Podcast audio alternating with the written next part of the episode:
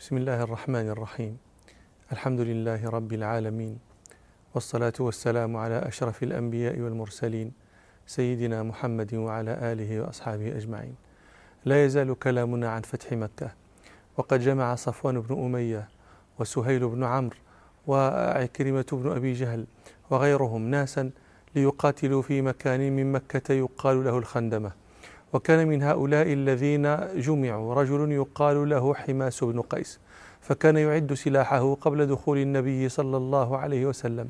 فقالت له امرأته لمن تعد ما أرى؟ فقال لها لمحمد وأصحابه صلى الله عليه وسلم. قالت والله ما أراه يقوم لمحمد وأصحابه اليوم شيء. قال والله إني لأرجو أن أخدمك بعضهم أن أجعل بعضهم خدما لك. ثم أنشد يقول إن يقبل اليوم فما لي علة. هذا سلاح كامل وألة وذو غرارين سريع السلة. ثم شهد حماس هذا الخندمة مع صفوان وعكرمة ومن معهم. فهزمهم المسلمون وقتلوا منهم. وفر حماس هذا حتى دخل بيته. ثم قال لامرأته أغلقي علي بابي. قالت أين ما كنت تقول؟ فقال لها إنك لو شهدت يوم الخندمة إذ فر صفوان وفر عكرمة وأبو يزيد قائم كالموتمة. أبو يزيد هي كنية سهيل بن عمرو. يقولها وأبو يزيد قائم كالموتمة واستقبلتهم بالسيوف المسلمة.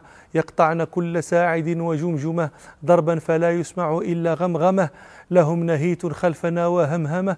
لم تنطقي في اللوم أدنى كلمة. رأى أبو سفيان ذلك فجاء يستصرخ رسول الله صلى الله عليه وسلم. روى مسلم في صحيحه عن أبي هريرة رضي الله عنه أن أبا سفيان قال يا رسول الله أبيدت خضراء قريش أبيدت خضراؤهم أي أفنيت بالقتل خضراء القوم جماعتهم وأبيدت خضراؤهم أي أفنيت. قال قال أبو سفيان يا رسول الله أبيدت خضراء قريش لا قريش بعد اليوم. فقال رسول الله صلى الله عليه وسلم من دخل دار أبي سفيان فهو آمن ومن ألقى السلاح فهو آمن ومن أغلق بابه فهو آمن. فقالت الأنصار أما الرجل يقصدون رسول الله صلى الله عليه وسلم لما رأوه صلى الله عليه وسلم أمر برفع السلاح عن قريش قالوا أما الرجل فقد أخذته رأفة بعشيرته ورغبة في قريته. فنزل الوحي. على رسول الله صلى الله عليه وسلم. وكان إذا جاء الوحي لا يخفى على الصحابة فإذا جاء الوحي فليس أحد يرفع طرفه إلى رسول الله صلى الله عليه وسلم حتى ينقضي الوحي. فلما انقضى الوحي قال رسول الله صلى الله عليه وسلم يا معشر الأنصار قالوا لبيك يا رسول الله.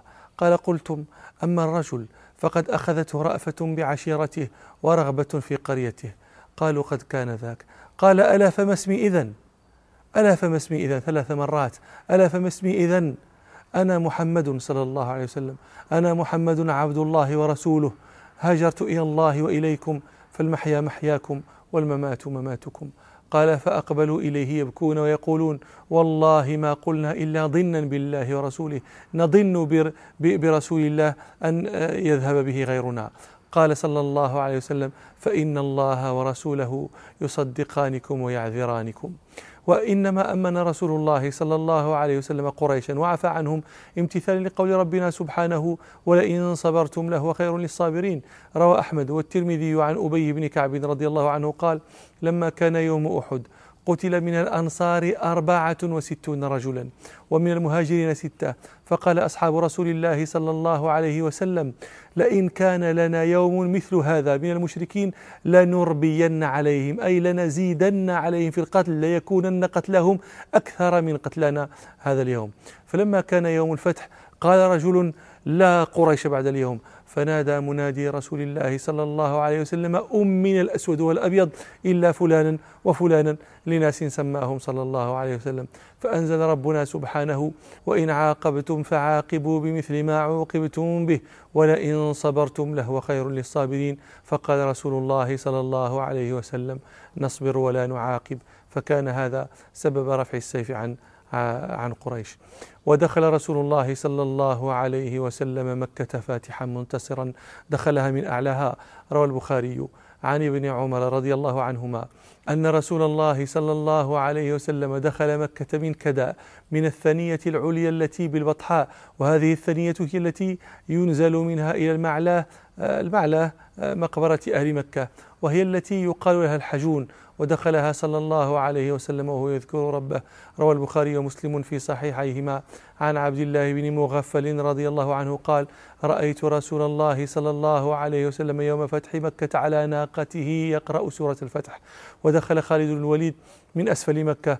روى موسى بن عقبة في مغازيه مرسلا أن رسول الله صلى الله عليه وسلم بعث الزبير بن العوام على المهاجرين وخيلهم وأمره أن يدخل من كداء من أعلى مكة وأمره أن يغرز رايته بالحجون ولا يبرح حتى يأتيه صلى الله عليه وسلم. وبعث خالد بن الوليد في قبائل قضاعة وسليم وغيرهم وأمره أن يدخل من أسفل مكة وأن يغرز رايته عند أدنى البيوت وبعث سعد بن عبدة في كتيبة الأنصار. في كتيبة الأنصار التي كانت في مقدمة رسول الله صلى الله عليه وسلم وأمرهم صلى الله عليه وسلم أن يكفوا أيديهم ولا ولا يقاتلوا إلا من قاتلهم. فلما دخل رسول الله صلى الله عليه وسلم مكة صدق ربنا سبحانه شعر حسان رضي الله عنه في همزيته المشهورة التي مطلعها آه، عفت ذات الأصابع فالجواء إلى عذراء منزلها خلاء. وكانت لا يزال بها أنيس خلال مروجها نعم وشاء فدع هذا ولكن من لطيف يؤرقني إذا ذهب العشاء. روى الطحاوي في شرح معاني الآثار والحاكم في المستدرك عن ابن عمر رضي الله عنهما قال لما دخل رسول الله صلى الله عليه وسلم عام الفتح رأى النساء يلطمن وجوه الخيل بالخمر يلطمن وجوه خيل المسلمين بالخمر. الخمر جمع خمار معروف. قال فتبسم رسول الله صلى الله عليه وسلم إلى أبي بكر رضي الله عنه وقال يا أبا بكر كيف قال حسان بن ثابت؟ فأنشده أبو بكر رضي الله عنه قول حسان عدمت بنيتي إن لم تروها تثير النقع موعدها كداء ينازعن الأعنة مسرعات يلطمهن بالخمر النساء فقال رسول الله صلى الله عليه وسلم ادخلوا من حيث قال حسان ودخلوا من من من كداء ثم مضى رسول الله صلى الله عليه وسلم حتى أتى الكعبة فطاف بها. روى مسلم عن أبي هريرة رضي الله عنه. قال أقبل رسول الله صلى الله عليه وسلم حتى أقبل إلى الحجر فاستلمه وطاف بالبيت وكان حول الكعبة أصنام كثيرة. روى البخاري ومسلم في صحيحيهما. عن عبد الله بن مسعود رضي الله عنه قال دخل النبي صلى الله عليه وسلم مكة يوم الفتح وحول البيت ستون وثلاثمائة نصب. فجعل صلى الله عليه وسلم يطعنها بعود في يده ويقول جاء الحق وزهق الباطل جاء الحق وما يبدئ الباطل وما يعيد. وروى مسلم عن أبي هريرة رضي الله عنه قال وأقبل رسول الله صلى الله عليه وسلم حتى أقبل إلى الحجر. فاستلمه. ثم طاف بالبيت. قال فأتى على صنم إلى جنب البيت كانوا يعبدونه. وفي يد رسول الله صلى الله عليه وسلم قوس وهو صلى الله عليه وسلم آخذ بسية القوس. سية القوس طرفه هذا المنحني. قال فلما أتى صلى الله عليه وسلم على الصلم جعل صلى الله عليه وسلم يطعنه في عينه ويقول جاء الحق وزهق الباطل. ثم بعد ذلك أتى رسول الله صلى الله عليه وسلم الكعبة يريد أن يصلي في جوفها. روى البخاري ومسلم في صحيحيهما. عن عبد الله بن عمر رضي الله عنهما أن رسول الله صلى الله عليه وسلم أقبل يوم الفتح من أعلى مكة على راحلته مردفا أسامة بن زيد ومعه بلال ومعه عثمان بن طلحة من الحجبة. الحجبة هم حجبة الكعبة وسدنتها الذين بيدهم مفتاح الكعبة. وعثمان هذا هو عثمان بن طلحة آه، ابن أبي طلحة بن عبد العزى بن عثمان بن عبد الدار بن قصي. وكانت سدانة البيت بيد بني عبد الدار بن قصي منذ فرق قصي مآثره في بنيه فأعطى ولده عبد الدار السدانة وهي حجابة آه، حجابة البيت. وأعطاه اللواء لواء الحرب. وأعطاه دار الندوة الدار التي كانت قريش تعقد فيها أمورها. وأعطى ولده عبد مناف الرفادة والسقاية. ثم جعل عبد الدار بن قصي الحجابة في آه، في ابنه عثمان. فلم يزل الأمر ينتقل في أولاد عثمان بن عبد الدار حتى ولي الحجابة في زمن رسول الله صلى الله عليه وسلم عثمان بن طلحة بن أبي طلحة بن عبد العزى بن عثمان بن عبد الدار.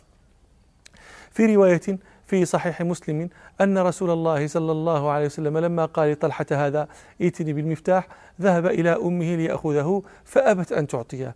فقال لها والله لتعطينه أو ليخرجن هذا السيف لسيف عنده أو ليخرجن هذا السيف من صلبي قال فأعطته إياه فجاء به إلى النبي صلى الله عليه وسلم فدفعه إليه. ففتح رسول الله صلى الله عليه وسلم الباب وكان في البيت في جوفه أصنام أيضا. فأبى صلى الله عليه وسلم أن يدخل البيت وفيه تلك الأصنام.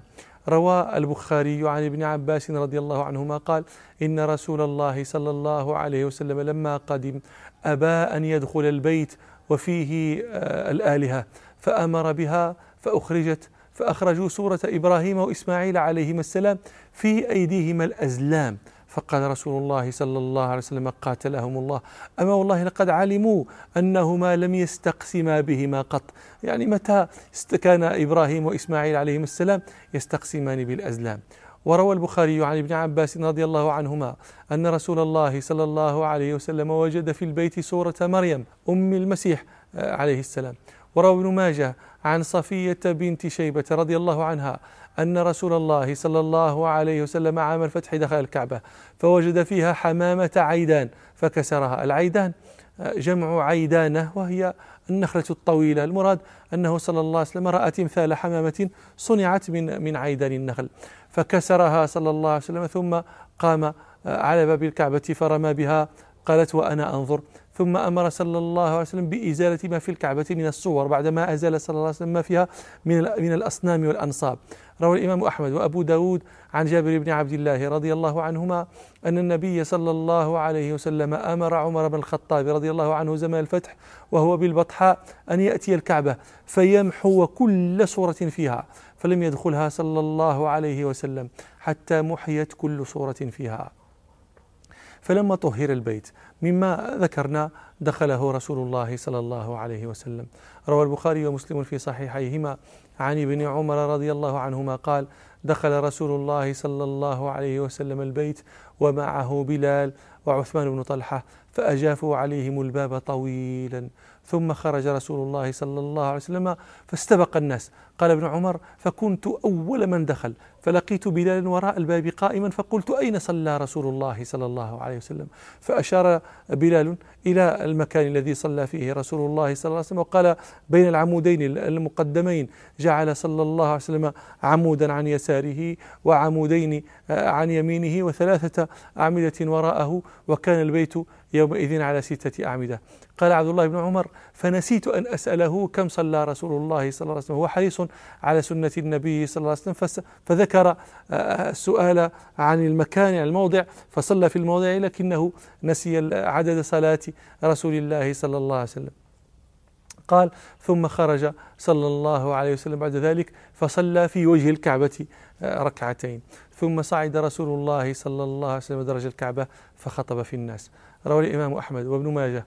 عن ابن عمر رضي الله عنهما أن رسول الله صلى الله عليه وسلم قام يوم فتح مكة وهو على درج الكعبة فحمد الله وأثنى عليه ثم قال الحمد لله الذي صدق وعده ونصر عبده وهزم الأحزاب وحده وتكلم صلى الله عليه وسلم إلى أن قال ألا إن كل مأثرة كانت في الجاهلية ودم تحت قدمي هاتين.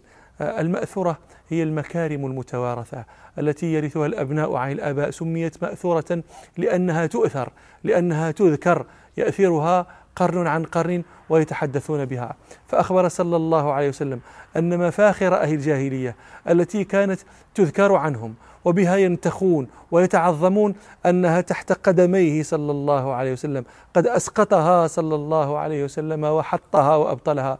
وكذلك كل دم وقعت إراقته في الجاهلية ولم يقتص به فهو هدر باطل لا قصاص فيه. فكل ذلك أبطله صلى الله عليه وسلم من دماء الجاهلية ومن مفاخرها. قال صلى الله عليه وسلم إلا ما كان من سدانة البيت وسقاية الحاج.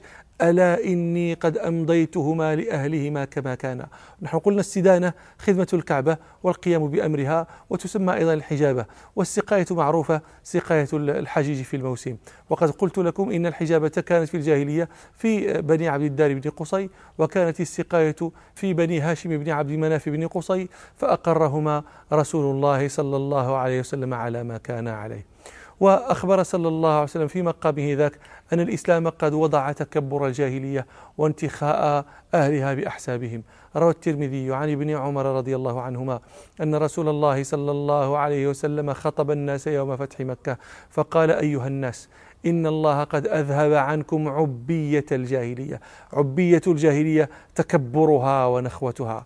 قال صلى الله عليه وسلم إن الله قد أذهب عنكم عبية الجاهلية وتعاظمها بآبائها. فالناس رجلان بر تقي كريم على الله وفاجر شقي هين على الله.